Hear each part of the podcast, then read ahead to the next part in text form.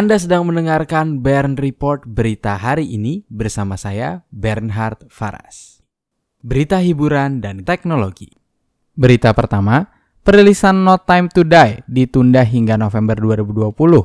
Pihak produser mengumumkan perilisan film No Time to Die akan ditunda hingga November 2020 seiring dengan wabah virus corona yang mewabah di banyak negara. Sebelumnya, film ini dijadwalkan rilis pada bulan April 2020.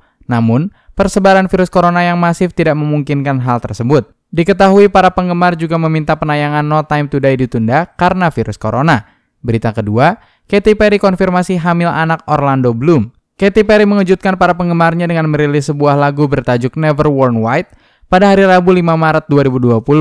Namun bukan hanya itu, lagu dengan video tersebut sekaligus mengkonfirmasi bahwa Katy Perry tengah hamil anak pertamanya dengan Orlando Bloom. Pada video tersebut, Katy Perry memegang perutnya yang mulai membesar dan ditunjukkan secara gamblang di akhir video. Berita ketiga, Slipknot tunda seluruh tur konser di Asia karena virus corona.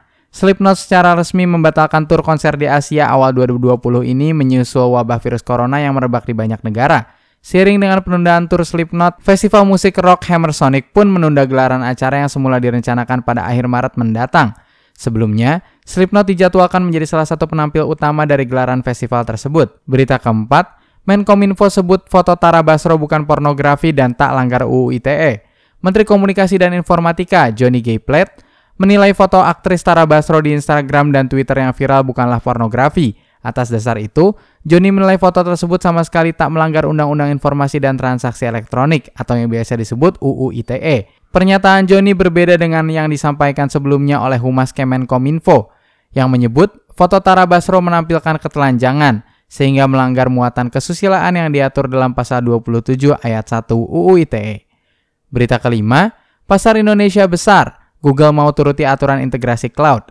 Google menilai bisnis cloud computing di Indonesia potensinya besar. Maka dari itu, Google mau mengikuti aturan integrasi data yang tengah dirancang oleh Kementerian Komunikasi dan Informatika atau yang biasa disebut Kemenkominfo. Kemenkominfo berencana membangun pusat data dan meminta perusahaan teknologi seperti Google dan Amazon untuk mengintegrasikannya dengan cloud mereka. Berita ke-6, Call of Duty Mobile akan kehilangan fitur zombie. Developer game daring Call of Duty Mobile Timi Studios mengumumkan akan menghapus fitur terpopuler mode zombie. Penghapusan ini akan dilakukan pada 25 Maret 2020. Dalam keterangan resminya, Timi Studios mengatakan penghapusan dilakukan karena fitur mode zombie tidak menawarkan pengalaman bermain yang seharusnya. Peta kedua, Nach der Untoten, juga tidak akan dirilis secara global karena alasan yang sama. Untuk teks dan sumber berita selengkapnya dapat Anda lihat di website www.bernhardfaras.com. Jika Anda memiliki berita yang ingin saya liput, anda bisa mengirimkannya melalui bernhardfaras.com kontak. Terima kasih sudah mendengarkan Bern Report berita hari ini. Jangan lupa untuk membagikan kanal ini kepada kerabat Anda, tekan tombol like dan subscribe untuk mendapatkan kabar terkini setiap pagi dari hari Senin hingga hari Jumat pada pukul 6.30 waktu Indonesia Barat. Saya Bernhard Faras pamit undur diri, semangat selalu dalam menjalani hari ini.